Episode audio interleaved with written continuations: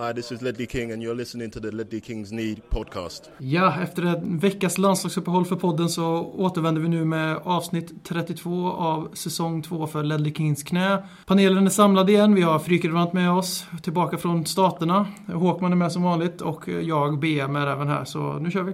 Dags att hämta hem det ännu en gång För jo, du vet ju hur det slutar varje gång vinden vänder om Det spelar väl ingen roll, ja. håller du finger långt Alla de minne får, de är ett minne blått Det här är ingen blå grej som rent spontant blir omtalad på något omslag som Heidi Montage Eller Spencer Pratt, är nog den endaste svenska MC'n som har en känsla för rap Så hey! släng upp en hand om du känner vad som sägs Är nu en podcast coming your way Så ge mig femman mannen och bara tryck på play Hey!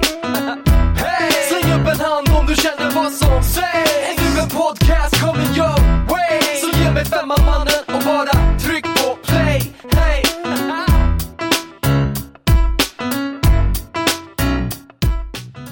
var av respekt om vad som hände i svensk fotbolls första omgång där när en supporter fick sätta livet till i Helsingborg så kommer den här podcasten att avhandla den svenska supporterkulturen i del 1. Jag känner att det finns ett behov att prata om det för att det är väl det är en debatt som spirar nu i, framförallt på sociala medier, även i erkända tv-medier och så vidare som vi vid det här bordet inte tycker ger det hela spektrat och därför vill vi också säga vårat om detta. Efter den ganska, vad ska man säga, bistra och dystra första delen så kommer vi försöka avrunda med lite positiv Tottenham-surr och även besvara en liten lyssnarfrågor. Vi ska vara väldigt positiva för jag tänkte att vi kan gå in lite på Danny Levy. Och då blir det oftast väldigt positivt. Så det ser jag fram emot. Ja, vi, jag och Håkman i alla fall satt ju på Pitchers, eller var på väg till Pitchers båda två får vi väl säga att det var när det brakade loss eh, på arenan då i Olympia som när Djurgårdsfansen gick in och man undrar ju först vad som hade hänt men det blev ju snabbt uppdagat och vi behöver inte gå in mer på vad som hade hänt. Sen det som vi vill diskutera i den här podden är ju diskussionen som hände efteråt och eh, jag vet att Per Frykman har en hel del åsikter om den här debatten som sprids överallt nu. Ja, debatten där eh, alla vill ha eh, ett säg i det så att säga. Och det ska man ju ha. Det är inte direkt som att bara för att man är supporter så har man förtur i debatten. Eh, men ändå så krävs det väl några slags förkvalifikationer för att faktiskt veta vad man pratar om och vad som egentligen fungerar och vad det är som kanske är problemet bakom också. En sån som Jonas Gardell som i vanlig ordning inte pratar så mycket om, om supporterkultur och som sådant. Och det är väldigt många i hans genre som också har börjat eh, uttala sig. Och de snackar väldigt mycket om att det är just väldigt exklusivt för fotbollssupportrar, det här våldet. Och han, han, han, han nämnde bland annat att han har gått igenom alla svenska sporter och han ser ingen, inga sådana tendenser i någon sport överhuvudtaget. Och jag menar, jag har vuxit upp här i Karlstad och vi har eh, bandy. Även jag har ögonvittnesmål om Precis, och jag menar, där, jag menar, där händer det saker mycket värre än det som som oftast händer i Allsvenskan. Till exempel att man går in i en spelarbuss och slår ner motståndarspelare som supporter och så Ja. Så att, att det här är ett fotbollsproblem är det absolut inte. Det, är, det här är ett samhällsproblem. Och samma sak är väl det hockeylag i stan. Väl inte, inte på den nivån men de har också haft sina problem till och från. Hockeylaget i stan slogs ju med Gävles hockeylag i Ja, första så- kvartsfinalen. Så, så- så det- efter det- det förekom- På i arenan tror jag till och med det var. Men jag, jag är inte helt insatt. Men jag vet För- att det vevades i alla fall. Ja, men för debatten handlar om att det, liksom, det är hatet på, på, på fotbollsläktarna som är det som triggar våldet. Men hatet är ju inte på något sätt exklusivt för fotbollen. Det, finns ju, ah, så länge du har en klack så finns det nästan ett slags hat. För det, det kan du köpa i den kritiken som har varit mot supporterskapet. Att det finns ju såklart hat i den gruppen. Men det är ju absolut ingenting som är exklusivt för den gruppen. Hat finns ju i hela samhället också. Ja, det går ju liksom att nöta ner detta hela tiden. Men eh, samtidigt där, när det finns en rivalitet mot en klubb så är det ändå det som är en del av idrotten också. Eh, att man inte ska tycka om vissa lag. Man tycker mindre om vissa lag än andra lag så att säga. Det är ju en del av idrotten som jag ser det. Eh, bara för att man tycker illa om ett lag betyder ju inte att man för den saken skulle gå runt och slå folk på käften. Nej, och det är det som jag också i den här debatten tycker framstår lite som Ja, faktiskt påminner väldigt mycket om rasism. För det när de pekar ut att vissa kulturer, som de gör med supporterkultur, att vissa kulturer har vissa egenskaper. Som till exempel vår kära justitieminister Beatrice Ask gör. När hon pekar ut att supportergrupp, att det här beteendet är exklusivt för, supportergrupp, för supporterkulturen. Det i sig är ett rasistiskt uttalande. För jag läste lite om det här. Det var en eh, idrottsvetare i Malmö som har publicerat lite siffror om detta. I, eh, eftersom alla, precis alla och hans moster har ju uttalat sig i den här, i den här tra tragiska affären. Och han, eh, i hans beräkningar av det här då, så hade han kommit fram till att det finns uppemot 700 huliganer i svensk fotboll. som är aktiva huliganer som går på fotboll och använder det som ett utlopp för våld. Och eh, det är inte bara fotboll som sagt, många av de här huliganerna håller väl på klubbar som spelar mer än en sport och det, det är absolut inte exklusivt för fotbollen, våldet. Och att av de här, eh, de här 700 huliganerna alltså utgör en skara i sammanlagt 1,8 miljoner svenska medborgare som går på Allsvenskan varje år. Och att då dra alla de här 1,8 miljonerna över en kam och säga att alla de här är vålds, våldsstyrkare och alla, alla de här är ansvariga för det här dödsfallet. Det är ju ett påhopp som eh, inte är direkt värdigt en justitieminister, enligt, enligt mig då, i min ödmjuka åsikt. Det är katastrof att en eh, person med hennes eh, höga roll i samhället går ut med sådana uttalanden. Två timmar efter att det hänt också, Ja, men det blir ju väldigt mycket affekt också det här. Och då, det gäller att säga saker som kanske låter bra utifrån det svenska, alltså hur svenska folk nästan vill höra. Liksom, att man, det är klart man ska fördöma det, det inträffade va, men det, ja, men det, det andas ja. lite också innan man... Men det här är ju ett sånt, ett sånt typexempel på den, den, den populism som finns i svensk politik idag. Att någon kommer med det initiala, det initiala uttalandet och sen så bara rullar snöbollseffekten mm. på. Men också, också det jag reagerar på i eh, mediebevakningen som var kring detta. Alltså de här större som SVT och Godmorgon Sverige och alla de här. Det är ju ofta, nu kanske jag missar en inslag så att jag kollar på Godmorgon Sverige från klockan sex till halv tio. Men de som gör de här uttalandena det är ju folk som eh, kanske inte har den största kunskapen om detta. Och då talar, då talar folk om den här rapporteringen och säger fel saker till, till den stora massan som då kanske får en annan uppfattning.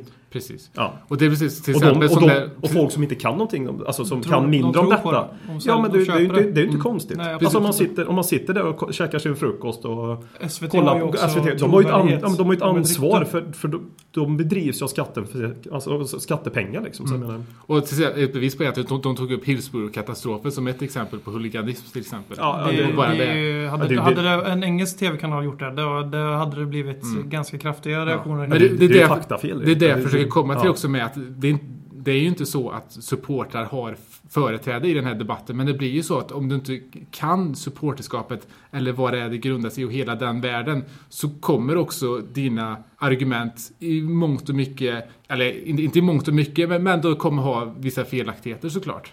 Jag kan ju bara prata för mig själv, men när det här hade hänt så blev jag extremt tagen direkt. Jag blev chockad och jag tappade allt sug för Tottenham-Liverpool. Och det, det är ju väldigt osedvanligt för mig att inte vara sugen för Tottenham-match.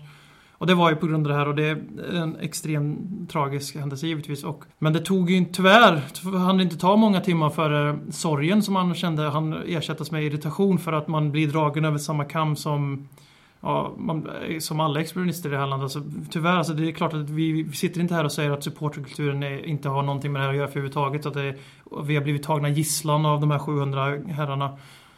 Eh, och att vi inte har, kan göra någonting åt saken, att det är alla andras fel. För vi, vi, ägnar, vi supportrar ägnar oss inte åt det. Vi sitter inte och kastar pajer åt, eh, åt ledningen, utan det är vi som får pajerna kastade på oss när det händer sådana här saker. Och, och dra, att jag som person då, som är en supporter, i, in, ända, in i, ända ut i fingerspetsarna och i själen och blir, blir jämställd med de här, till exempel de här nazisterna som attackerade manifestationen i Kärrtorp och blir dragen över samma kam som dem. Det är någonting jag upplever som fruktansvärt provocerande. Att, att det, alla, allt våld i samhället är ju uppenbarligen ett supportproblem då eftersom det inte är ett samhällsproblem enligt eh, ledningen i Sverige utan det är ett supporterproblem. Mm. Och när de här nazisterna då slåss i, i Kärrtorp då är ju uppenbarligen är ju de en del av supporterkulturen då om man nu ska följa Asks logik. Mm. Och då är vi ju enligt henne en del av detta. Och det är för mig fruktansvärt provocerande. Lite oroande också att efter Magnus Persson-incidenten så gick Reinfeldt ut och sa att det här är män som sen går hem och slår sin fru. Eh, hela den vinkeln av den här debatten är, som bortblåst nu när Beatrice Ask fick säga de första uttalandena. Och det är också så i politiken att den som säger någonting först är den linje som gäller oftast. Mm. Så det har ju påverkat i mångt och mycket den här debatten. Och... Men vi ser allt... Eh, en sak som jag tycker det ska jobbas på. Jag vet, jag förstår nyhetsvärlden, Offsides podcast lyfter ju det väldigt bra där. Man förstår kanske inte riktigt som supporter i det här fallet varför de bara lyfter det negativa. Och att eh, de i Offside ansåg att media måste bli bättre på under säsongens eh, lugna gång. Att de måste bli bättre på att lyfta positiva insatser från supportrar och supportföreningar och klubbar som jobbar stenhårt i samhället. Framförallt storstadsklubbarna är väldigt aktiva i samhället för att förminska sådana här grejer och för att hitta ett hem för ungdomar som kanske har en risk att hamna i de här våldsfalangerna inom alla samhällets olika grupperingar. Och, eh, men att just efter någonting sånt här har inträffat så är det väldigt, väldigt, väldigt svårt för en nyhetsmedia att gå ut och helt plötsligt dagen efter bara ah, titta vad de samlar in 170 000 på, på Hovet för den här mannens familj. Och det är ju så fruktansvärt vackert så det finns inte den här, som man, säger, man får ju nästan säga minnesplatsen då utanför stadion. Jag menar, jag är på praktik i Arvika just nu och på torget i Arvika, det är en ganska långt bit från Stockholm, där, där ligger det matchtröjor och halsdukar från Stockholmsklubbar för den här mannen. Och eh, jag har även sett bilder från Eskilstuna fått skicka till mig på Twitter. Och det är liksom de här grejerna som görs i reaktion, de positiva reaktioner på det här, om det nu finns, om man nu kan ha någonting positivt för något så här tragiskt. Så är det, det här kommer ju inte få, det här får inte samma plats i media för att det har fortfarande inte, har inte nyhetsvärdet i det tragiska inte slagit över än. Men det här måste ju saker som måste lyftas året runt i media för jag vet hur många som helst nu som bara tror att det enda vi supportrar gör är att slåss och kasta bengaler på varandra. Eh, bara för att prata liksom, den andra sidan av det. Det var för i början på um, i slutet på 90-talet, början på 2000-talet så var det en helt annan medierapportering där också pratar om i podcasten. Mm. Men eh, att det är, och det minns jag ju själv, att det var bengaler till exempel. Det var liksom när, när Hammarby spelade sin hemmapremiär mot Örebro 98 så var det en bild på eh, på klacken och de skrev, de skrek, skrev, skrek, skrev festen och mm. hade bilder på bengaltifon och allting. Och nu är det någonting dåligt. Ja, sen kan man ju tycka om bengaler, det är inte det som är själva poängen med detta utan det, det går liksom i cykler att det, det och sen bara vände det helt plötsligt och blev någonting negativt. Alltså det var positiva toner om supportrar och det hände saker då också. Folk som sprang in på planen och stormade läktaren och sånt där. Även på den tiden så det var ingenting som var unikt som har kommit först nu utan det var ju väldiga problem på 90-talet också. Men man fokuserade mer på det positiva. Och det betyder ju inte att man inte ska ta upp det negativa också. Men ha det viktiga som, det hitta en balans i det här. Liksom. Mm. Och det är det som jag tycker är så synd med den här debatten är att en, en majoritet av befolkningen har nog förmodligen en negativ bild av svensk supporterkultur just nu. Mm. Medan jag tycker att supporterkulturen är Sveriges absolut största och bästa fotbollsexport. Just för att när, när du ser listor i eh, internationella tidningar och listar supportergrupper så är det också svenska supportergrupper som hamnar topp 10, topp 5, ibland topp 3. Ja, det är ju inte fotbollslagen som det. Nej. Och det är också i statistik som styrker det från SCL bland annat, Svensk Elitfotboll och SFSU då, som Tony Ernst bland annat inblandad i. De har ju lyft fram det här. De har ju gjort en enkät och frågat varför det går på allsvensk fotboll. Och det, för, för att förklara den stora publikökningen som har skett under 2000-talet då. Och eh, det är eh, nästan enbart på grund av att supporterkulturen har blivit bättre. Det, man, går för att, man går för att se på stämningen, som, eller vara med och uppleva den här stämningen med kanske ett snyggt tifo innan en match och eh, sång och... För liksom fotbollen i Sverige, det är inte därför, det, man går inte på fotbollen i Sverige för att se på fotboll. För vi har TV, vi kan se världsklassfotboll varje dag om vi vill. Utan visst, det är klart att man har en koppling till lag. Vi har ju en vid bordet här som är väldigt kopplad till ett lag, men jag tror inte han skulle säga i rak, rak att han se på Hammarby bara för att de spelar så fantastisk världsfotboll. Och framförallt inte att de möter lag som spelar världsfotboll kanske om man ska ge det en liten enkel utväg. Ängelholm away är ändå en, det är en toppmatch i europeisk fotboll. Ja, ja, ja, väldigt fin fotboll också oftast. Genom många år. Hur, Nej, många, hur många drar Bayern med sig på till exempel till Degerfors? Som inte är särskilt stor ort här i Värmland. Slash ja, kan jag kanske ha fel men eh, det är ju ett par tusen i alla fall. Ja. 2-3 tusen. Så. Ja, men det är ju Premier League-klass på ja. den typen av supporterskap. Det, hur, många tror ni, hur många tror ni inte det är som går, åker på den matchen i närtrakten till Degerfors bara för att se och vara med om det här när det kommer flera det tusen stockholmare? Det blir publikfest liksom. Ja. Även för dem. Och inte, alltså, det håsas. Ja men precis, det, det, finns positiva aspekter med det här också. Och det är de aspekterna som hamnar i skymundan tyvärr. För att de här vålds... Men jag menar, jag kan ju bara prata för mina upplevelser igen här då. Jag har ju en sambo som hon har sett två allsvenska matcher, eh, varav en var en kuppmatch men det var allsvenska lag. Och båda de matcherna har föregåtts av eller vad ska man säga, befläckats av en planinvasion efter ett kuppguld vilket väl, man får väl, det finns grader i helvetet men att kasta en bengal på motståndarsupportrarna när man firar ett kuppguld ungefär 100 meter från sina lag, spel, lagets spelare som står kvar i straffområdet på andra planhalvan. Det är ju åt helvete. Och att stå och kasta upp saker på läktaren på supportrar som har sett sitt lag förlora en cupfinal är också åt helvete. Sen den andra matchen hon var på var ett Stockholmsderby. Det första på en viss arena. Och eh, där så var det våld både före match och sen efter match. Och där det var en viss, en viss statlig institution som var de som vevade mest och hårdast. Och den här personen då, min sambo, vill ju inte längre att jag ska åka på svensk fotboll för hon är uppriktigt rädd att det ska hända mig någonting. För att, för att hon har fått den här bilden av media och av sina två upplevelser här som tyvärr är argument mot vad vi tycker om supporterkulturen. Just de här två matcherna i alla fall för att hon anser ju att svensk fotboll är livsfarligt. Hon tycker det är läskigt. Ja, och det är nog in, hon är nog inte ensam om den känslan heller. Ja, och eh, det, tyvärr har väl Håkman alldeles rätt där att min sambo är absolut inte den enda, vad ska man säga, vardagliga supporten av Allsvenskan som, som är rädd för att gå på allsvensk fotboll, eller svensk fotboll i stort. Och det leder oss ju in till att det utan tvekan kommer få konsekvenser. Vi har redan sett det i maskeringsförbud av ett antal klubbar. Eh, så sent som idag gick Helsingborg ut med ett kontrakt man måste skriva på för att se fotboll på Olympia. Och jag säger väl maskeringsförbud. Maskeringsförbud har jag absolut ingenting negativt att säga om. Jag tycker inte man ska ha rånarluva på sig när man är på match. Det är ganska logiskt enligt mig. Det är ett bra sätt att gömma sig för identifiering om man vill kaosa på arenan så att säga. Men sen är det frågan om maskeringsbud om det bara är om man har rånarluva eller om det är när man också tar upp en halsduk när bengaler Det- går mot en. Förstår jag menar? Det vet vi ju tyvärr inte. Nej, det för, inte för det, det, det händer ju även eh, alltså, under, från, undertecknande eh, när man får rök. Inte för att man skyddar sig från rök men att Man man... skyddar sig från gnistor och sånt bland Ja annat. men exakt och sen man får man rök emot sig så det händer att man själv drar upp halsduken eh, ovanför näsan. Jag vet inte var de drar det här maskeringsförbudet. Maskeringsförbud är väl snarare att det täcker en viss del av Ja men då, ansiktet. har, då finns det. Halsduk är ju en maskering. Ja men då blir, då blir det ju som jag ser det. Så om man har huva på sig för att det regnar och halsduken uppe för att det är mycket rök på läktaren så kan man Ja, bli ja men det kan ju alltså...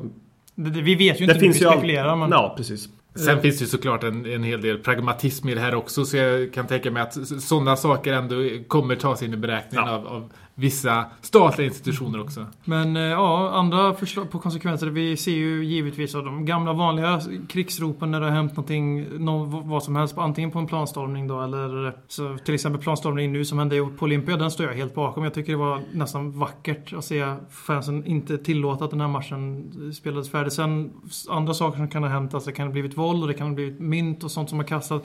Det står jag inte bakom, men däremot att gå in på matchen för att chocken som slog alla. Det var många på läktaren som kände den här mannen. Och, så den planinvasionen står jag bakom, även om det är många som inte kommer hålla med. Men eh, vi kommer få se hårdare tag mot sånt här nu, och, eller hur?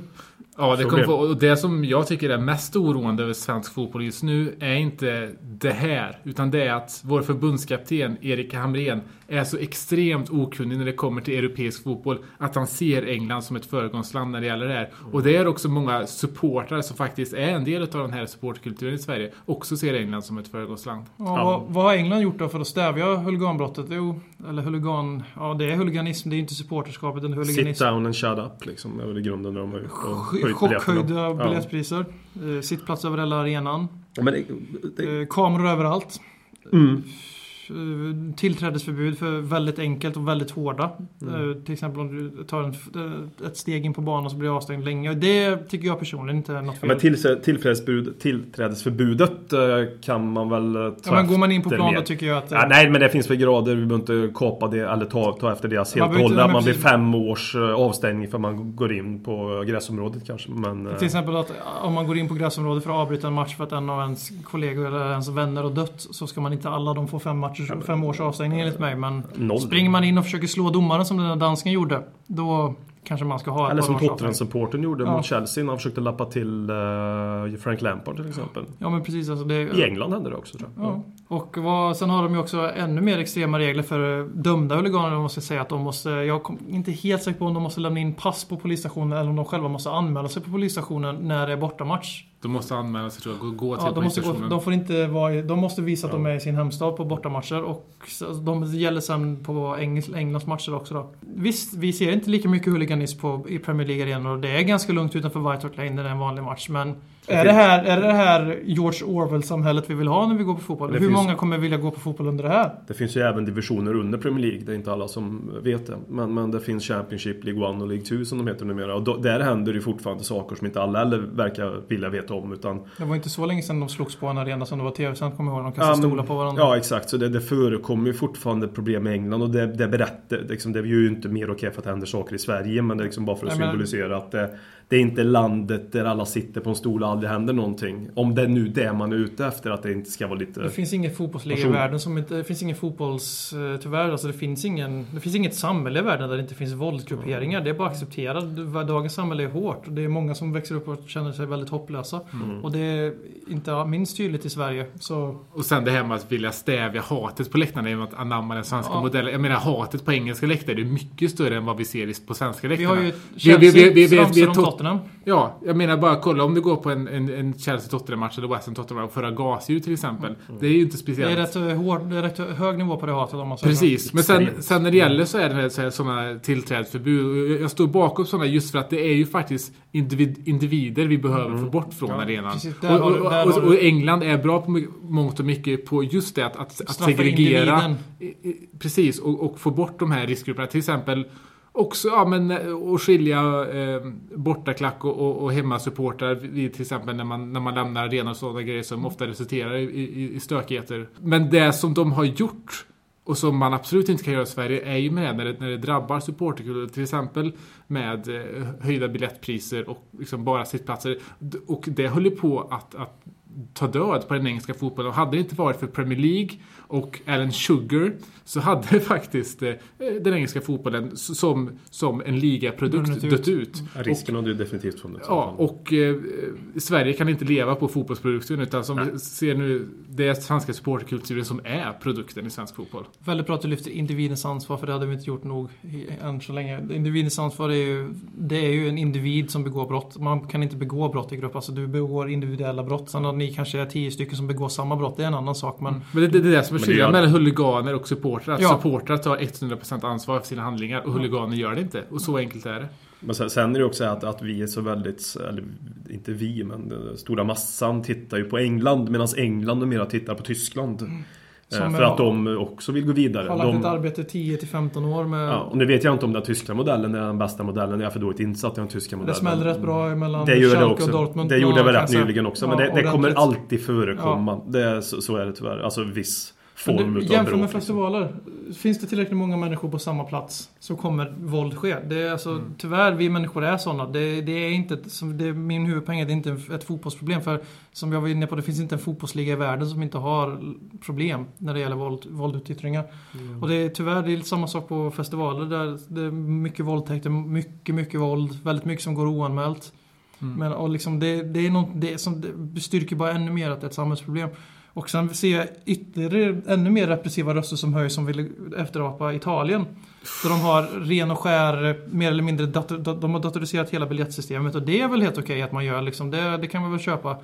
Men att ha listor på vilka som får åka på bortamatch och sen ha stickprovskontroller längs vägar av polis för att se att ingen har hoppat av eller ingen har hoppat i bilarna. Sen, Och eh, förbjuda bortasupportrar till vissa matcher och... Ja, det, det är där, där har vi ännu mer där över polis, polissamhället. Som vi, då vill jag ju se samma åtgärder göras mot andra vålds, eh, liksom andra våldsbenägna eh, människor. Till exempel på festivaler. Liksom att då ska de också få gå igenom det här. Det är inte bara vi supportrar som ska straffas för alla samhällets problem. Bara för våra problem råkar hamna... Men det är, det är ju det politiska klimatet i Sverige just nu och också det klimatet vi såg i England där de här äh, reglerna genomfördes. Och jag menar, vi hade, det var inte länge sedan vi hade kravaller i Sverige där man skyllde eh, arga tonåringar på föräldrar. Vi skyller långtidsarbetslöshet på lathet genom att få dem att gå in i viss, vissa kurser och skriva CV-kurser. Vi, vi ser inte det egentliga problemet med att det faktiskt inte finns jobb. Eh, Men så man försöker inte lösa problemet genom att faktiskt lösa problemet. Man Som man gjort skuldbeläggning. Ja, men som, som de har gjort i England. De har inte löst problemet. De har bara flyttat problemet. De har flyttat problemet lägre ner i divisionerna. De har flyttat pro- problemet ut på gatorna istället. Ja, Och jag menar, det var ju, vi hade match igår mellan, mellan Chelsea och Paris Saint-Germain och det, det blir ju bråk där. Och England har ju bevisligen inte, inte, inte, inte lyckats stävja det här vårdsproblemet. Jag menar, vi spelade match mot Aston Villa i ligacupen tidigare år. kastade rökbomb. Ja, precis. Var det, var det? Ja, ligan var det tror jag. Men Var det ingen, ja, det var ligan. Men, men det kastades sen. Det var då när Soldad Ja, gjorde jo. sitt spelmål. Det var samma match minns. Ja, så. nej, men, Oviktigt egentligen, ja, naturligtvis. Men, ja. men ändå. Nej men det som krävs till är ju att det är Tysklands modell då som jag inte är döinsatt i men det jag vet är att det är en väldigt lång process, en väldigt eh, vad ska man säga, organisk process. Det, är ingenting, det, finns, det finns inga enkla lösningar. Tyvärr, ni kan sitta och skrika om att förbjuda bort supportrar hur mycket vill. Då kommer de slåss in i städerna istället så får ni se hur mycket bättre ni tycker det är när 2000 pers slåss på, i centrum av Stockholm när alla andra är på fotboll. Jag tror man ska hitta sin egen modell faktiskt. För, Det, Ja, ja, det är det det- som är grejen med svensk politik också. Vi är väldigt, väldigt benägna med att hitta just vår egen modell i Sverige. Och därför, när det gäller olika politiska arenor och områden i Sverige, så, så vill man inte kopiera andra länder. Just för att vi i Sverige gör på ett visst sätt. Och då ser vi ju Och- SLO och SFSU då, svenska supporterorganisationer som försöker att arbeta med sånt här ja, heltid mer eller mindre. Eller det är Precis. heltid. Och vi alla välkomnar ju den här debatten just för Ja. att det är ett problem med våldet som vi behöver stävja. Men det är därför också det är väldigt oroande när de som vill politisera och reglera det här eh, fenomenet som vi har i svensk fotboll, då blir det de som, som drabbas sen innan som blir ännu mer drabbade. Absolut, alltså visst vill, vill samhället, och eftersom det är ett samhällsproblem så måste ju också samhället i sig och då staten i sig va- vara med och lösa det här problemet inte- och, och, och, och, inte, och inte straffa klubbarna så som det har sett ut förut. Kollektiv bestraffning för individers brott, ja. Precis. Och det, det, Och jag menar, det här är ett problem och problem löses i princip bara med resurser och det är det som behövs i det här fallet. Det behövs mer resurser från samhället som kan hjälpa klubbar och supportergrupper och där någonstans får vi hitta någon slags gemensam lösning som inte vi kan kopiera från något annat land.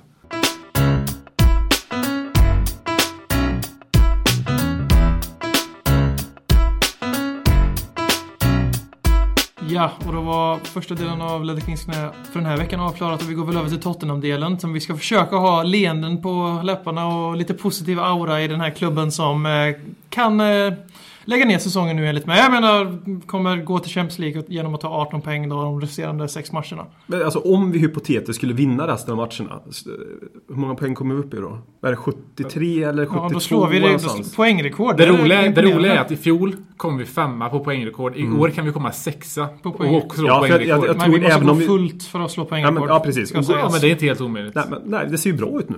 Och så skulle vi, ja, men skulle vi, Ja, hypotetiskt, visat- skulle vi hypotetiskt gå fullt så tror jag ändå inte det räcker. Det Nej. Det jag vill komma till. Nej, det alltså för det att det, som du sa förut, att det kommer vara nytt poängrekord igen för att komma topp fyra. Det kommer vara poängrekord för att komma sexa i år. Om, om vi Ja. kommer, vi, även om vi går fullt så kommer vi ändå inte bli fyra. Och det, är säger väl, en, säger väl en Ja, del ja. om de här divisionsprat vi har pratat om tidigare, att det är divisioner i divisionen. Det är ju två ligor i Premier League den här säsongen och det, vi är ju sämsta laget i den högsta divisionen tillsammans med Manchester United som vi tro, på något fruktansvärt vänster lyckas ligga före. Fast vi har blivit 27-2 i målskillnad mot topp 4-lagen. Liksom. Mm, ja, det har ju sett bra ut de här matcherna. Men det måste ändå vara något... Jag menar, vi har alla klagat på moralen och allt sånt där i laget. Men att komma... Säg att vi kommer femma och ändå, ändå ha minus i målskillnad. Det är ändå något slags bevis på en, en, liksom att man har kämpat sig igenom en säsong. Det säger också för mig att vi blir femma trots, och vi är besvikna och har haft en stolpe in-säsong. Ja, eller så kan man säga så att vi har vunnit de matcher vi ska vinna sen när vi har mött motstånd som är bättre än oss så har vi kapitulerat totalt och att vi har väl släppt in mer än 50% av målen i de här matcherna blir det. Och det är ju Alltså- fler lag som har gjort det, inte för att det är våran uh, Nej, men för, grej mer okej. alltså, men det- Arsenal till det- exempel, det, är var nästan- också jag, där. jag vill komma in i det, det är nästan tre divisioner. Alltså, ettan till trean är så fruktansvärt överlägsna. Även om de kanske inte är tabellen inför fyran och femman. Men de är så överlägsna så det finns inte i, i spelmässigt. Och att vi kan, vi kan ju bli femma och ändå vara en mil ifrån att komma topp fyra, vilket vi kommer bli. Alltså, som det kommer vara om vi nu skulle ens bli femma.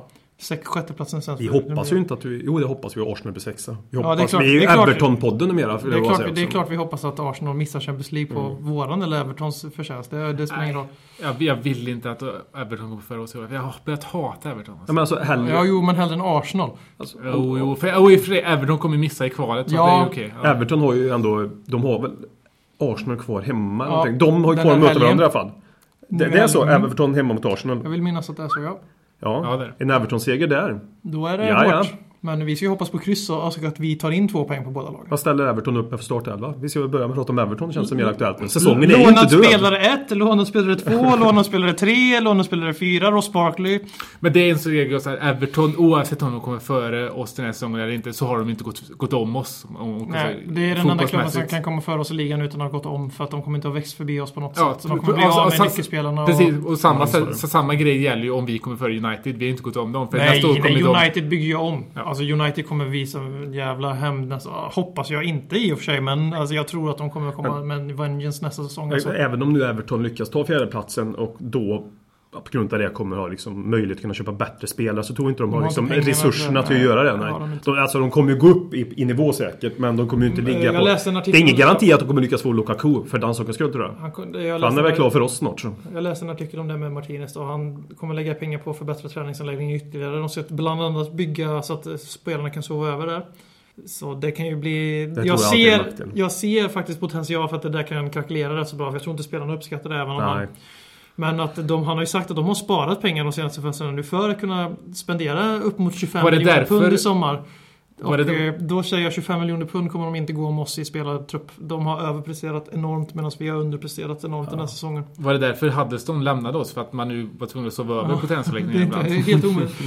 Men det kan Men, ju, de kan ju också bli för Everton om de blir fyra. De har försökt sälja klubben ett par år. Ja. Mm. Det kanske då blir lättare att sälja klubben. Det, Men Så, det- så det är pengar väl- finns, alltså de har pengar för att fortfarande för att hänga, haka på den här topp 7-divisionen. Men de har inte pengar för att hänga topp 4 och de kommer inte kunna behålla Lukaku om de inte går till Champions League. Och om de gör det så är det ingen garanti heller för han är för bra för att spela i ett fjärdeplacerat lag. Sen är det också Så- så att, att kunna kapitalisera på ett Champions League är väldigt svårt. Tottenham, ska vi komma ihåg, är väldigt unikt när det gäller för, det väldigt för bra. vi, vi ökade de, våra lönekostnader under Champions League-året med 25 miljoner pund. Mm. Och vi lig, låg då någonstans på 90 miljoner pund totalt i lönekostnader tror jag. Nu ligger vi kvar på samma nivå även fast vi inte haft Champions League på, på 3-4 år. ja, det är ju otroligt. Och det, det är väldigt unikt. Ja, det det, det, är måste liksom, det är också därför som vi inte spenderar lika mycket på, på, på spelartransfers. Men vi har ändå kan, kunna liksom bibehålla den här höga nivån. Han är ju fantastiskt liv, måste jag säga. Absolut. Ekonom, ekonomisk gud är han. Ja, och på tal om det.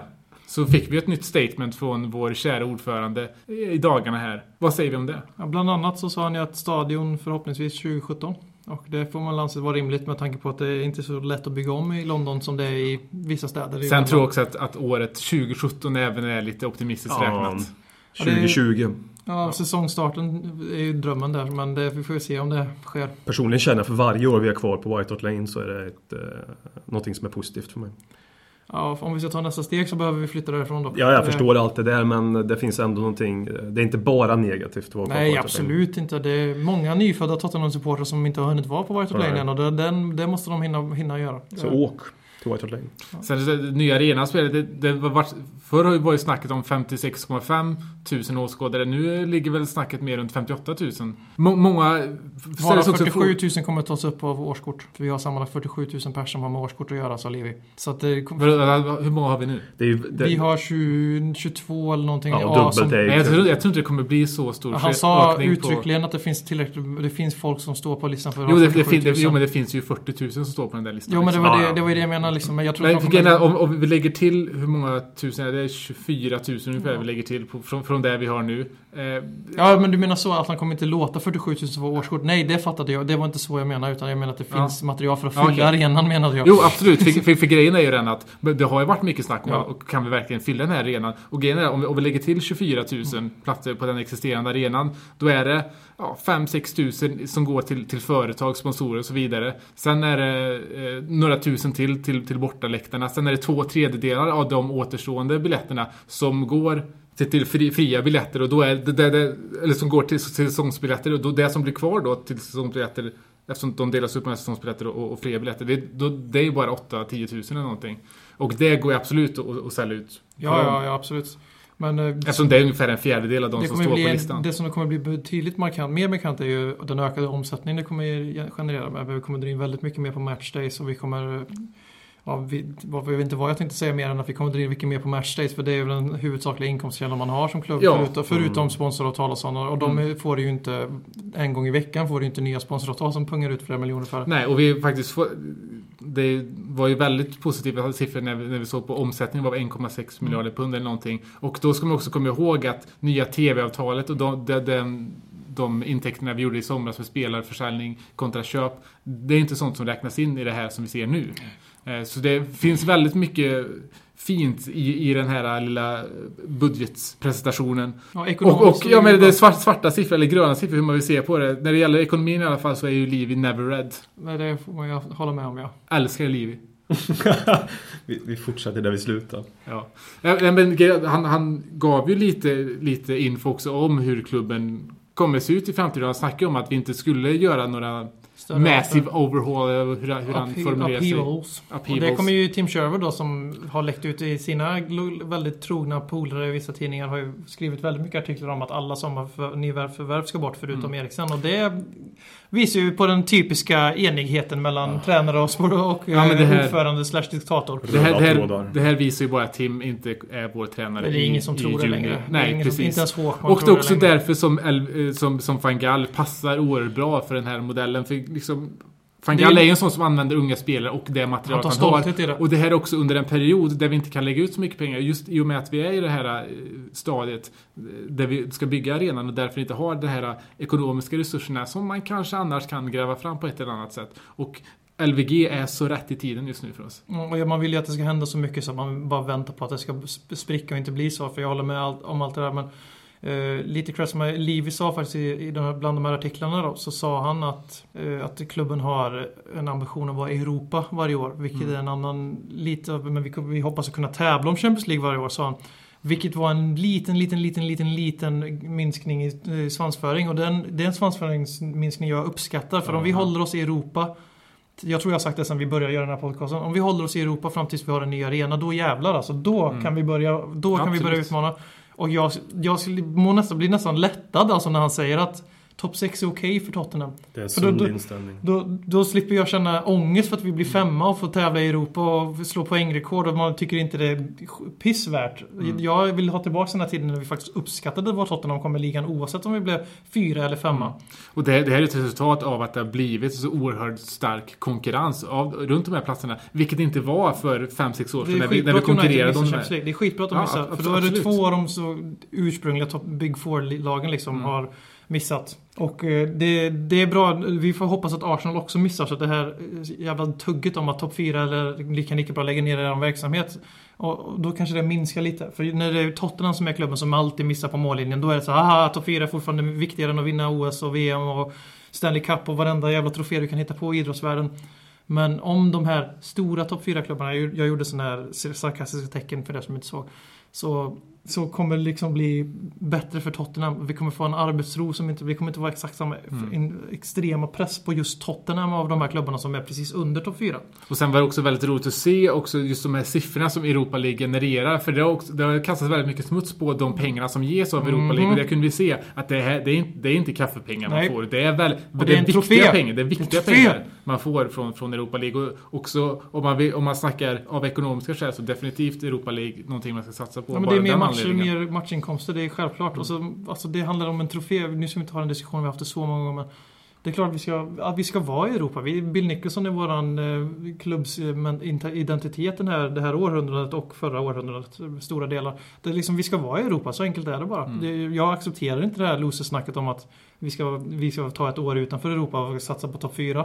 Vad gör vi om vi missar topp 4 det året vi inte var i Europa då? Vad ska vi sitta och skrika efter då? Och missa Europa ytterligare ett Ja, år. vad, vad, vad händer då liksom när vi inte ens lyckas hålla kvar de här killarna som, som är vana vid att spela så här mycket matcher? Men det, det, mm, Europa. Nej. Och jag känner också att i och med att vi snackar om det där med Everton, att Everton inte går om oss nu, så är liksom den sunda målsättningen och väldigt realistisk målsättning är att vi kommer nå Europa League Ja, i, alla, absolut. i framtiden också. Så vår klubb mår väldigt bra. För kan vi upprätthålla den nivån som vi har idag, och vi kan tabellpositionen just nu, så Och kommer så vi rätt ha... tränare på det. För alltså, om det är någonting tabelläget har visat. För alltså, om vi nu på något vänster lyckas komma fem, vilket inte alls är omöjligt. Eller om vi kommer sexa, vilket också är helt okej för Europa. Sjua vill jag inte bli dock. För att det, det, jag vill verkligen komma före United en gång.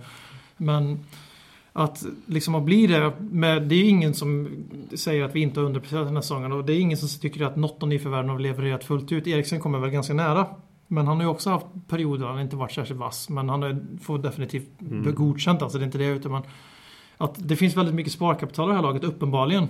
Och eh, vi vann väldigt mycket i början av säsongen utan att vara bra för överhuvudtaget. Och vi har hängt med ända tills nu. Det var, alltså det var väl, i Liverpool då var det väl verkligen slut. Eh, eftersom vi hade chansen att ta in lite poäng där. Vi, vi har underpressat något enormt. Vi har haft kaos runt klubben hela säsongen. Och vi har eh, haft managers som inte har lyckats överhuvudtaget. Och ändå är vi med och kreerar. Det säger någonting. Om vi bara lyckas pricka 75% rätt. Om, om det nu är LVG, om han är 75% rätt. Då, då ser jag absolut inga hinder till att exakt samma trupp skulle kunna hota om topp 4 nästa år. För alltså, det är ju före vi vet vad topplagen har gjort. ska man ju lägga till med. Och sen den värvningsorgen vi hade i somras som... Det tar tid. I, i, exakt, och, och den anledningen till, att- till att den genomfördes, den värvningsordningen, var ju också för att vi ska ha en spelartyp som på något sätt är ett självspelande piano när det kommer till ekonomin. Att vi ska, vi, ska ha, eh, vi ska ha ett spelarmaterial som har ett, ett, ett låg eh, lönebudget, men som ändå på något sätt kan finansiera sig själv. Generera fotbollsverksamheten som Bale gjorde ungefär. Precis, under en tid där vi Mm. inte kan ge de här resurserna till, till, eh, till spelartruppen som vi ibland kan ha kunnat. Och det är kanske också därför lite som AVB fick offras. För att det kanske inte var sportsliga skäl. För han det var inte med han, var inte, tåget. han var inte redo för det här projektet. För att Livi och klubben behöver ändå någon, någon som, som kan anamma det här projektet och vara med på, på Jag det tror, jag något tror också, snåla tänker, jag har tåget. också börjat tänka om banan att AVB kanske inte riktigt fattar vad Livi menar med projektet. Utan AVB förväntade sig att han skulle få ett projekt där han fick det färdigt. Proje- projektet var inte Han att bygga en. Champions League-klubb år efter år som till slut vinner ligan. Projektet var att få det här att fungera på lång sikt. Och på lång sikt innebär den ekonomiska biten i det här. Vilket var, låg till grund för den värvningsordningen vi hade. Och det är också därför som vi inte kommer sälja de här spelarna i sommar. För att de inte har lyckats prestera rent sportsligt. Det finns andra skäl till att de kommer stanna kvar för att de faktiskt värvades in. Det finns ju ett VM där det kan, en bra prestation kan uh, Ja, alltså göra så alla, att spel, alla Paulinho... spelare har sitt pris. Ja, som kan göra att Paulinho får uh, packa sin ryggsäck och sticka. Sen, sen är det, absolut kan vi sälja om vi, får, om vi får ett bud, men vi kommer inte sälja för att vi vill sälja. Mm, Det som är lite oroväckande, nej men exakt, det som är oroväckande med alla de här nyförvärven det är att så få har suttit utav dem. Mm. Eh, Det är ändå på pappret ganska bra spelare. Sen tycker jag en sån som Chadli kan Han har person, gjort det bra. Ja, Personligen han ber jag jag. inte, jag ber inte mer av. Chadli faktiskt. ja, Jag glömde honom helt och hållet. Väldigt Ja, glad. Kess också. Ja, men, Alltså om man förväntar att han ska vara fjärde mittback i laget så är han godkänd. Jag Annars är så- väldigt glad över Chadlis prestationer på sistone för att han var ändå den spelare som när han kom och i början av säsongen som jag propagerade väldigt mycket för och sa att i slutet av säsongen så kommer vi ha ett 4-3-3 med Lamela och Chadli på vardera kant. Nu är bara Lamela kvar. sen kanske jag säger mer om Tottenhams situation också. Förstår du vad jag I menar? nuläget. Ja, Ja, men alltså, absolut. den parametern Men han har också. absolut vuxit in i Ja, den rollen och vi har Ja. snackat om talisman. Han är absolut inte på den nivån att han kan vara en talisman. Nej. Men han har i alla fall tagit det ansvaret. Han och har det är visat att han håller i har... Premier League. Ja, det är det vi har Ja. ifrågasatt. Och han kommer bli har bättre. Han är bara 24. Alltså det, folk glömmer bort det är bara Soldado som har ålder. Alltså de andra killarna kommer fortfarande bli bättre. Soldado tror jag är svårt att se ta ett, näst, ett till steg. Men de andra kommer göra det. Oavsett om det inte är tillräckligt stort eller inte. Det vet vi inte idag. Men det var ju därför de värvades också. Det var också de här spelarna värvades Alla för att de har låg i, i den åldern. Där, där de Och, faktiskt eh, kan visst, det är oroväckande att så få de har suttit. Men Eriksen får vi säga liksom. Och sen Kirikes okej, Chadli okej. Och sen är det så här att Väldigt få av dem har ju fått spela systematiskt på samma position. Och spela, alltså det, är det Paulinho har fått väldigt mycket chanser under AVB. Eriksen har fått mycket chanser framförallt under Sherwood men även tidigare. Eh, Sen så ser vi liksom Lamela har sammanlagt spelat 3,6 Premier League-matcher. Vilket kan vara snälla och avrunda till 4 Premier League-matcher i minuter. På grund av skador och akklimatiseringsperioder och så vidare. Vilken flopp. Ja, superflott. Däremot Soldado. Där har vi någon. Han har fått spela massor. Med, Mm. Både med en anfallare som själv och så två anfallare. Och han har inte lyckats överhuvudtaget. Ja, för, för mig är han faktiskt... Alltså jag tycker Soldado har gjort mycket rätt. Men han är i flopp för att han har misslyckats med det han ska ha gjort Ja, en säsong. och han Mål. har fått spela I, i, i den regelbundet. Ja, men sen har han gjort andra, han har visat andra kvaliteter som, som på förhand inte jag trodde han hade. Mm. Sen, sen kan man ju fråga sig när de köper de här spelarna, hade han också, har man verkligen tittat igenom vad det är för typer av personer? Inte bara liksom, tekniskt sett, utan vad de har mellan öronen också. Alltså, då menar jag inte intelligensen, utan Jag hoppas att vi har en så vinnarskallen. tydlig värvningsprofil men man tvekar Ja men det, det, det, det tror väl också någonstans. Men det, det har man säkert, men man kan ju också misslyckas med bedömningarna. Och det, det är väl det som jag är mest orolig för med de här, då alla de här sju spelarna som jag köpt, förutom Vlad då möjligtvis, som jag tycker ändå har någonting. Det har du ändrat dig. Jag har aldrig Ja. tyckt Vlad har varit... Men du menar hu- mellan huvudet menar du väl nu med Vlad? Nej, fotbollsmässigt och allting. Jaha. Allt.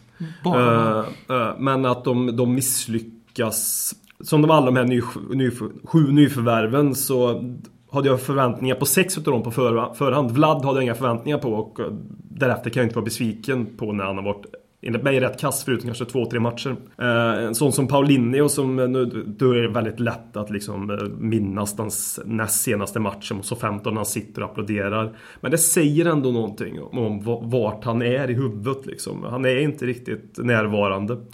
Och det är, det är väl någonting som vi alla är överens om naturligtvis. Jag sitter ju inte och avslöjar någon Janne Josefsson-fakta här nu i Uppdrag granskning. Men eh, ja, ja, kvaliteten har de, men har de skallen liksom? Det är det som är... Men sen, är det väldigt svårt också att se den här äh, säsongen som ett prov på vad de har i skallen. Och deras, för liksom, jag menar, grejen är att det är klart att det är väldigt svårt att sätta ihop det här som ett lag. Men jag vill ändå se det ur ett metaperspektiv, ett större perspektiv. Eftersom att de är värvade för ett långsiktigt projekt. Jag har väntat till nästa år för det. Det är bara Och Soldado jag har det är också därför som jag tycker alltså, det är lite synd med Sherwood att han nu försöker spela sin egen fotboll bara för att få det att, att fungera. För jag tycker att bara låt Eriksen spela sin 10-position nu till exempel. Och få- för grejen och försöka få det att avsluta säsongen bra. För kollar vi på Arsenal och Liverpool nu som var de två lagen som började den här säsongen bäst. Så var det också de som, ut, ut, eller som avslutade förra säsongen bäst. Mm, och på så sätt liksom kunde, kunde gå igenom den tjocka leran, vad man ska kalla det, kvicksanden. Och komma ut på, ordentligt sista matcherna helt enkelt. Vi inte har så mycket att spela för. Precis, för de, de här nyförvärven, de, de, är, de är Tottenham nu. Det, det, så är det. Och det, vi kan inte sitta och säga att vi ska, vi ska sälja av det hålla på så. För, för det kommer vi inte göra heller. Så att, och jag hoppas också att, för, för jag tror inte att Precis som, precis som AVB så tror jag inte att Sherwood riktigt förstår det här projektet som, som Livy har heller. Han vill Och ju han, försöker, göra han, tvärtom. så han det- försöker få sitt piano att fungera. Och Livy försöker få Mm. Tottenham som, som helhet som piano att fungera. Det är ju det som har varit fel under ganska många år nu tycker jag. Att det har varit för många som vill spela det pianot. Man, Men det kanske, är- man kanske ska spela piano ihop för att Ja, det men- helheten ska funka. Ja men det Alltså- här är ändå det här är ett nytt piano. Det är Jo men piano de tidigare somras. pianorna, om vi ska prata om pianon då som metafor hela tiden, Ja. så de har ju inte heller varit samspelta Men det, det som. var inte pianon, det var, det var syntar som köptes på liksom så här, Teknikmagasinet för 800 spänn eller någonting. Ja. Det här är ändå ett större piano. Ja, men det Så, som ska att- nå sin kul, alltså det ska hålla Ja, jag- till jag är- Men det gäller att få Baldini sitta på ena sidan, Livi och uh, Luis uh, van Gaal om det nu är han vi kommer få, sitta och spela pianot ihop. Det är den största Ja men det är därför, jag tror, det är därför, det är därför också tror Ja, jag, för, det, för, det är det för absolut. Louis van Gaal, om man kollar det också så Livi, vi. om Liv, det som Livi tog upp, sitt statement och allt det här och det projektet ur ett metaperspektiv. Louis van Gaal passar ju perfekt för det. Han Alltså, gör jag, verkligen det. ja, jag, är, jag är lite tveksam. Alltså inte van Van Gaal som är inte tränare. van Gaal är inte den som går in på kontoret, slår, näv, slår näven i bordet och säger jag ska ha det här. Bla, bla. Han, han, han gör ju vad han kan med, en, ung- med ungdomarna som finns och där har ju Liv lagt ner väldigt mycket pengar för att vi ska kunna också vara självförsörjande även där. Och att, de, att vi ska kunna mota upp ungdomar i A-truppen som är av en högre kvalitet än vad, vad det har varit förut. Och det har han absolut lyckats med. Jag menar, kolla de som har, börjat, som har kommit nu, Carroll, Harry Kane, och det är, det är killar som kan spela Premier League. Och men inte riktigt på vår nivå, men oerhört mycket bättre än vad de som kom för tio år sedan. Ja men då, då är vi ju på en högre nivå än för tio år sedan. För tio år Ja, sedan absolut. hade de säkert kunnat gå in mer och spela också. Jo, men det- det- vi är på rätt väg, Ja exakt, jag håller med. Mm. Jag sa jag vill gärna se Tom Carroll bevisa någonting i Premier League först. För att jag har sett han en hel del i Championship och där tycker jag inte han sticker Nej, ut särskilt. tycker- Men det är en men- annan fotboll där Ja, så han, han kanske känns- kommer han mer till rätt i. Men jag tycker att nej. Jag, men jag tror vi kommer få se... Harry Kane tycker jag samma sak om. En truppspelare i Premier League, absolut. Ja, och jag tror att om det är Det, är någonting... god, det är gott nog alltså. om, det är någonting, om det är Tim Sherwood kommer göra så, som, i alla, som kommer vara bra på något Jag tycker inte att man ska spela med juniorer så nu, för nu är ändå nu vi faktiskt behöver spela ihop och bara spela folk på rätt positioner, skit i vad de, vad de gör av det. Spela Eriksson på den där 10 positionen till exempel. Men en sån som till exempel eh, Ruben Lameira kommer nog få chansen i A-truppen och sådär. Så, eh, så eh, några enstaka spelare tror jag ändå kommer få chansen. Det kan vi i alla fall ta med positivt. Det tror jag inte Tim kommer göra för att Tim vet att han måste maxa för att få vara kvar. Och jag tror inte han kommer börja spela svagare lag. Han spelar Bentaleb som en statement men också för att han spelar fotboll på ett sätt som han tycker om. Att han är väldigt lugn och vårdad. Han tar inte några särskilt många risker. Jag har svårt att se han slänga in massa junisar. Nej men Nu- med det tror jag inte heller. Det hade varit Sista, helt match, sista matcherna kanske om det är helt kört att avancera. Om vi verkligen är, när vi blir matematiskt uteslutna från Champions League då kanske han börjar göra det. Men innan det kommer Men det är därför han också jag tror jag är fullt realistiskt. Han tror ju fortfarande att han kan vara kvar. Det är jag helt övertygad om. Att Ja, han det, det ser ju mer om Sherwood än om våra förhoppningar för den här säsongen. Det tror jag också han tror faktiskt. Ja. Mm, det- Men jag, jag tror ja. inte heller att han kommer matcha massa junisar för liksom Ruben Lameira en sån som har spelat väldigt mycket med A-truppen just nu på sistone. Och eh, ja, det är därför också jag tror det är realistiskt och ja, att, att, att han faktiskt spelar in spelarna i de positionerna där de ska spela. För det är det som har varit Sherwoods eh, nack, liksom varit till hans nackdel. Också det som varit till hela det här stora självspelande pianots nackdel. Att faktiskt inte ha spelat han har spelat mycket ur position och det gör ju också att liksom, vi kommer ingen riktig stans i det här projektet under en tid där vi faktiskt vi kan skita i resultat. Under den perioden vi har haft Sherwood så har egentligen inte resultatet varit så viktigt. För det handlar om att bara få dem till nästa säsong. Och det är därför vi, har förespråkat för det här en tränare som är tydlig med sina roller till spelarna Precis. som spelar. Spelarna i tydliga roller som inte... Det är klart man måste vara flexibel och kunna ändra under match också. Kunna använda kanske Dembele på en högerkant ibland även om inte det har funkat så bra. Men att ha tydliga roller till spelarna. Kanske banta truppen lite grann till nästa år. Eh, och eh, ja, ha en lugn, hoppas verkligen på en lugn eh, på en sommar. När vi köper en ny vänsterback liksom. Mm. en ny målvakt. Och För det, här behöver vi- kommer ja, vi behöva precis. göra. Det Och det, det, det, det, det tog Livia upp också. att Det kommer bli max att vi stärk, förstärker på någon, på någon nyckelposition. Så Ja. där. Och, eh, Alltså, men sen, tre, tre spelare max, något sånt där vill jag minnas. Alltså tre, tre nyckel, alltså tre, och då ska det vara riktiga nyförvärv. Det blir inget truppvärv, nyförvärv alla Vlad, alla Nasser och eh, man får väl även Nej. säga att Att Lamela verkar värva som en truppspelare första Inte, säsongen. inte en backup till Danny Rose. Nej, utan vi ska ha en riktig vänsterback som petar Danny Rose. Och, ja, och Friars kanske kan få lite chanser. Det är det också Han kan få vill... vara andra back istället för Danny Rose tycker jag nästa säsong. Han har varit bättre än Danny Rose som vänsterback. Alltså en vänsterback ska kunna försvara också först och Det är väl lite det- magstarkt tycker jag. Så. Nej, jag, jag, har inte sett, jag, har inte sett, Magstarkt var längst möjligt. jag, har inte sett, jag har inte sett Danny Rose visa någonting defensivt som visar att han håller i topp 10 i Premier League. Friars har varit okej, för jag har lägre förväntningar på honom i och för sig, så kan vara det. Men Mm. en vänsterback ska försvara först och främst och han kan inte göra det för fem öre. Ja, men nu är det Tottenham vi snackar om. När hade vi en ytterback som försvarade? Kyle Norton. Shurluka.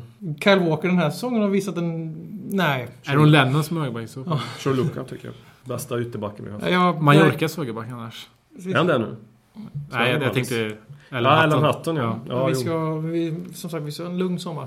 Sälj inte för mycket och köp inte för mycket nytt. Låna ut Bentaleb och killar den så att de får spela från start på, och rättfärdiga att få spela från start varje match i Premier League om de hittar något lag där. För att, ja, Och med ett bra bud på vissa spelare så känner Alltså, jag ja. inte att vi måste klämma fast vid dem som vi kanske hade önskat med Bale tidigare. Som till exempel personligen nu då, Fertongen det eller är bara Loris jag vill hålla kvar vid alla pris. Men det, Ja. Alltså, Sen- det, är inga, sen det är bara- spelare som jag kan inte... Jag, alltså, visst, Vertongen får stanna kvar men får vi ett bra bud på honom ja, är det ju. Nej men det är speciellt, alltså får vi bra, vi kommer absolut sälja men det, vi kommer inte gå ut för att säga. Och nu också när, när Barcelona fått det förbudet, de, de har fått så, Vertongen verkar faktiskt kunna stanna då. Sen Ja, då är bara alltså, frågan om Loris. då. Då är bara frågan om Loris kommer stanna. Ja, ryktades, det börjar ryktas om PSG och Monaco nu tyvärr. Så Nej, det, Loris Om, med Loris? ja. Ja, men. PSG tror jag inte han går till för de verkar väldigt, väldigt nöjda där och Monaco De har ju sina de problem. Har en jävligt bra målvakt. Så det är bara Atletico Madrid jag kan se för Loris. Och det, och det talar alltså hela Atletico Madrids värvningsprofil. Ska Chelsea hämta hem Courtois? Ja, det är Ja, det som det, ryktas om. Men Atletico Madrids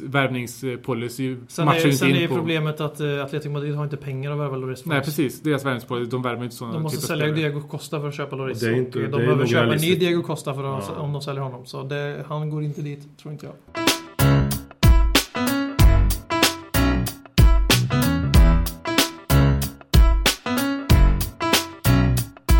Så, då var frågestunden tillbaka igen efter lite mer än två veckor långt landslagsuppehåll. Vi har fått väldigt många bra frågor också därför som vi har byggt in dem lite i avsnittet i övrigt. Så vi har inte tagit upp, vi tar inte upp dem nu men vi har tagit upp dem tidigare. Men vi börjar med Kalle Olsson som har skrivit till oss på Facebook. Han frågar varför sitter Sherwood på läktaren? Uh, han har ju gett oss två anledningar själv. Den första är för att man får bättre överblick om man ser rörelsemönster och sådana där grejer. Man ser bättre på läktaren än man gör i marknivå. Och det håller jag med om att man gör. Men sen har han också sagt att eh, han, eh, eller han har, vad ska man säga, han har antytt att hans eh, personlighet på sidlinjen kanske är en distraktion ibland. Och då måste han sitta på läktaren som en pojke som beställer skamvrån. Det är ungefär det jag läser mellan raderna. Eh, efter den här eh, kasta boll på Sagna. Det finns också en bild där man ser att Sherwood mer lägger handen på ryggen på Sagna. Han hoppar nick där mot Siggy på sidlinjen.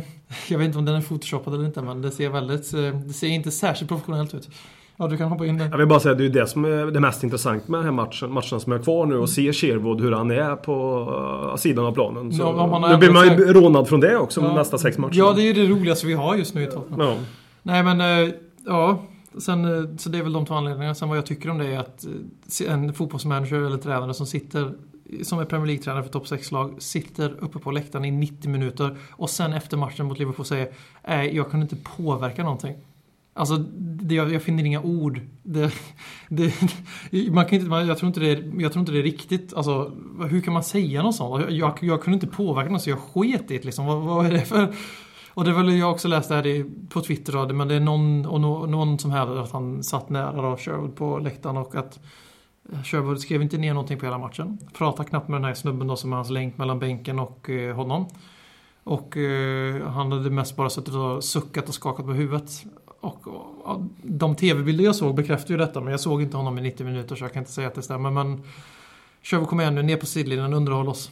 Jag, förstår absolut det här med att man får en bättre överblick men varför ska just han sitta där? Gör som Big Sam och köra lite direktlinjer med, Eller sit- med någon uppe på läktaren. Ja, för, för han, alltså, han är ju inget taktiskt geni även om jag nu gillar honom. Alltså, det är bättre är- om Ramsey sitter där. Ja, Ja. ja. men exakt. Han, han, han ska ju vara där nere vid sidan av vid, vid planen och göra det han ja, som man, De nu, har- som de man har- nu tycker han är bra på men som jag tycker han ändå har det engagemanget. Så bytt kanske kan smitta av sig. De har ju bytt roll. Det är, som, det är Ramsey som håller... Han är ju taktikern. Det är han som står och leder laget nu. Va- Varför? Det måste ju vara... Sherwood har ju verkligen fått hybris nu. Alltså, vi trodde kanske att det här är ett bevis på att han försöker backa tillbaka, men egentligen har tagit över ansvaret som Ramsey ska ha. Han sitter på läktaren i 90 minuter fram, med Livi framför sig när de Eller- blir rödförande. eller så är det- det, är, det är bollar alltså. Man har bollar. Ja, eller, eller så är det Livi som har sagt till en att Du ska sitta i skamvrån. ja, men man uppför sig inte så vid sidlinjen. Även om jag älskar så kanske inte Livi älskar det. Det kanske är så. Alltså, Det, det kan ju faktiskt precis så vara mycket så värre att... än AVB var han inte. AVB spårar ju rätt så bra på sidlinjen Nej, också. inte, inte alls så. Men det kan faktiskt vara så att Sherwood är faktiskt inte långt ifrån att få en avstängning i Premier League faktiskt. Och det, det, det kan ju... För grejen var det att när vi presenterade den här tävlingen- själv nu Men när vi så presenterade... Ja, skillnaden? ja, det- gör han, men det kanske är därför också. Men nu, när vi presenterade den här ledartrion så var vi lite förundrade varför man inte presenterade Sherwood som huvudtränaren. Vi har ju faktiskt ingen huvudtränare, så det här kanske är ett mer bevis på att Ramsey och Ferdinand har fått... Och kanske, gud förbjude, Stephen Freund har fått ta ett steg framåt ja, istället. men han är mer aktiv nu Stefan Från på sidlinjen än Ja, de senaste ja, matcherna. men Han, är ju- han har- han, han har ju han tagit steg från nu. bänken. Men han ser sin chans nu. Nu Ja. tänker jag, nu tänker jag Jag nästa år är det är jag, det är jag. Freund Ferdinand nästa år. Ja. Delat ledarskap. Championship! Ja. Ja, då är vi ju verkligen Bayern alltså. Då, förlåt. Bayern München eller? Ja, Ja, ja. Vi har Nanne. Eh, Daniel Söring har frågat Tror ni Lamela säljs i sommar eller blommar han nästa säsong Håkman? Om man blommar, det hoppas jag, men om man blommar det vet jag inte. Men vi kommer absolut inte sälja Har vi köpt en spelare för de summorna som... Det är väl 25-26 miljoner pund. Ja, allt som Eh, allt. Ja, precis. Eh, Så kommer vi absolut inte sälja Det vore... ett- Åh herregud, snacka om att dra if- Alltså... Ingen röd tråd alls i verksamheten i så fall. att ge upp Sett- tidigt. Ja, ge upp se- på människor bara. ja, sett till hur lite han också har spelat. han, han, han har ju fått chansen. Han har spelat 3,5 Premier League. ja, precis. Ja, vi Räcker vet inte ju, det? Bale var ju världsbäst första tre matcherna. Han var, Han var och sig han var bra första Han var matcherna. Nu känner jag mig verkligen som en pekpinne här. Men Ja, det är inte det jag menat som. Men han Nej, men jag- var, jag han var bra första tio. Han var riktigt bra första tio. Sen var han Sen- genomusel i två år. Fan, typ. fan också. Jag måste komma på någon som var dålig första matcherna. Hmm. Giovanni dos Santos, men han var ju visserligen aldrig bra. Nej! Nu ljuger du. Där har vi en som i alla fall fick chansen. Någorlunda i alla fall. Men inte riktigt tillräckligt Han, mycket. nej, han, ja, han passar kanske inte i, i in the Premiership.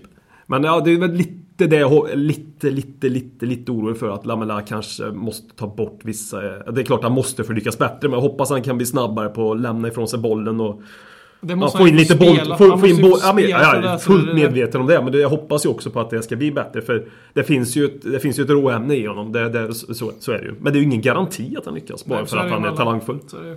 Han måste bulka upp lite också. Det nog, han lär ju ha bulkat upp de här Ja, skademånaderna. ja, Absolut. alltså nu Så- kom- Jag tror nu- vi kommer se en helt annan Lamela. Han kanske men- gör en Bale-metamorfos i sommar. Han kanske Mm, kommer operera att- öronen Ja, operera öronen. kommer att ha dubbelt så, dubbelt så stor kroppshydda med bara muskler nästa Ja, men det- sommar. Då jävlar. Det, det, nu kommer du säga hur sugen han är på att lyckas i Tottenham man kommer tillbaka och man får höra första intervjun. Kan han fortfarande inte språket lika bra? Som han, han kan väl inte alls engelska va? Paulinho kan ju inte heller engelska. Jo. Paulinho kan engelska. Ja, han, han sa att han har jättesvårt med språket. Han Ja, kan, men- jo, jo, ja, men han engelska, kan det kan ju... Ja, men alltså, nu, han har verkligen haft tid för Ja, sig men att kunna lära sig du menar att Han språket. inte kan engelska överhuvudtaget. Lamla, nej. Ja, nej. ja. Men han har verkligen haft tid nu till att verkligen kunna... Ja, jag Men- hoppas att... Just, Ja, han men det han- visar han- ändå om man, om man, om man, om man liksom vill stanna kvar i England tycker jag. Det sänder någon signal. Oskar Alavik har också skrivit på Facebook. Om vi får van Gaal, hur vill han spela Spurs? Fan, skall. Ja. Ja. Är du inte imponerad över hur jag Sex- uttalar Jo, jag, jag blir imponerad. Jag är en, jag är en världsmedborgare, vill Ja, jag ja, på- påpeka. Du bevisar ju det nu också. Ja, tack, tack. Du suckar åt New York-resor också. Det är också ett tecken på att du... Att det var tråkigt. Nej men vi kan väl säga att van Gaal är ju liksom förfadern till den fotbollen vi faktiskt ser i Premier League. En av dem i alla fall. Ja, precis. En av dem. Det- Och han var ja, Mourinho var han ju också mentor till och sp- spelade mycket den typen av fotboll. Eh, Hög press, possession och spelade när vi spelar riktigt bra och det har vi gjort den här sommaren. Typ första, första halvleken mot Everton borta. Det säger ju en del när vi pratar om halvlekar också. Ja, men- Ja, det gör verkligen Alltså, det. det. vi gör. spelade Men då, bra- då vi spelat den Ja, typen av jag fotboll. Då, då spelar vi den typen av fotboll. När vi vann våra första matcher spelade vi jättebra possession-fotboll. Det är bara inte alltid jättekul att se på. Men possession-fotboll är possession-fotboll. Man får vara beredd på vad man får när man, när man får. Sen har ju han haft en tendens att få lagen att prestera lite mer underhållande fotboll än vad våran possession herre lyckades med. Men han har ju i sin tur lyckats jättebra i alla lag han har tränat, förutom de engelska lagen han har tränat. Så han har ju fått den här possession-fotbollen att vara riktigt underhållande att se på. Så det är väl det vi hoppas att den här, den här van Gaal har tillräckligt mycket dåre för att få in den här possession-fotbollen som är effektiv. Samtidigt som han lyckas få lite eld under, fötterna på spelarna så det blir faktiskt kul att se på också. Och han är ju också väldigt, vi, vi kan inte sitta här och, och, och spåna om vilka typer av formationer vi ska ställa upp med. För, för just det är han ju väldigt flexibel med och, och kan använda spelartruppen på det sättet som det också ska användas till. Och det, eh, det är en väldigt positiv egenskap som tränare, för det är inte många som har det Någonting idag. vi verkligen saknade, har saknat i Tottenham det senaste. Om man säger så. Hos alla Tottenham-supportrar i hela världen så är ju van Gaal klar. Tänk om nu inte van Gaal Han är blir inte klar, han är inte nej, men klar. Alltså, nej, Det- det ryktas ju om honom nej, men hur, pra, hur pratet går. Mm. Det diskuteras ju ingen annan människa nu. Det kommer ju, folk kommer ju bli... Ja, Men det blir frånigt kanske. Det- Vem ska det bli folk blir inte ledsna blir- liksom. Vem ska det bli om det inte blir van Gaal? Alltså det, det bor är väl lika Ja, dyrt att köpa loss som nu, men... ja det borde vill jag verkligen inte ha. Men, nej, men jag bara tänkte just hur pratet går. Det, ja, jag vill ju också ha van Gaal, men eh, det är väl typ det namnet som nämns många som- numera. det är Sen som andra nämns tidigare också, som De Boer. Men det är det här som är att vara fotbollssupporter. Det är inte att gå runt och slåss. Utan det är att gå runt och liksom bara liksom, raljera om saker som förmodligen inte kommer hända. Ja. Det är det det handlar om. Och det, det, somrarna är de värsta och då är det ingen fotboll. Då, då kan man inte slåss. Men det, det är då den riktiga sporten kommer fram i att man bara går runt och våndas. Inte för att det inte är fotboll utan för andra saker. För man spekulerar saker som förmodligen inte kommer hända. När riktiga supporter går till Superettan. För att Ja. spekulera saker som förmodligen inte kommer hända så hade vi i den här podden tänkt att försöka starta ett korpenlag här i Karlstad den här sommaren. Och där när vi spelar in detta meddelande så är det den 3 april och eh, anmälan måste ske den 11 april. Så finns det intresse för att joina det okända laget som kommer heta någonting med Frykebrand känner jag. Vi gör som Livi, vi jobbar i sista Så- sekund innan transfer deadline. Så ja, men ja. Ja, vi kommer ju annars ha en, en, en deadline day dagen, eller den Ja, vi kvällen kommer, innan är ha, anmält. vi kommer ju sitta och värva spelare deadline day. Och eh, om ni vill vara med så hör av er på Twitter, Facebook, telefon, röksignal. På något sätt bara. Vi behöver inte ha så många. Vi, vi får, vad är det, sju pers man behöver vara. Ja, det gäller att ha- lite reserver också. Och någon avbytare. Så. Men hör av dig till Ledder Kings knä på Facebook, på Twitter eller på Gmail. Eller någon av oss privat på Twitter, Facebook eller Gmail. Och så hoppas vi att vi ses på en, en, eh, ja, ett dike och spyr ut vår dåliga kondition i, i sommar. Förutom Håkman då. Och om man vill se oss under andra omständigheter så kommer ju Tottenham Sweden att eh, fira 10 år i sommar den 14 juni i Stockholm. Och anmäla er till det. Gå in på Tottenham Sweden, jag tror det finns på hemsidan, Facebook och sånt där. Och, eh, eller mejla till 10ar snabla hot, tottenhamhotspur.se Och så kanske vi syns där till sommar. Men eh, hörs, det gör vi i alla fall nästa vecka igen. Vi är tillbaka som vanligt och fortsätter hela sommaren, eller hela säsongen ut och kanske till och med också, eller förmodligen sommaren ut också. Vi har lite planer på det nämligen. Så vi hörs igen. Peace! Dags att hämta hem det ännu en gång För jo, du vet ju hur det slutar varje gång vinden vänder om Det spelar väl ingen roll, håller fingerlång Alla de minnen får, de är ett minne blått. Det här är ingen blå grej som rent spontant blir omtalat på något omslag som Heidi Montage eller Spencer Pratt är nog den endaste svenska MC'n som har en känsla för rap. Så hey! Släng upp en hand om du känner vad som sägs. Är du en podcast coming your way. Så ge mig femman mannen och bara tryck på play. Hey! Släng upp en hand om du känner vad som sägs. Är du en podcast coming your way 没在茫茫的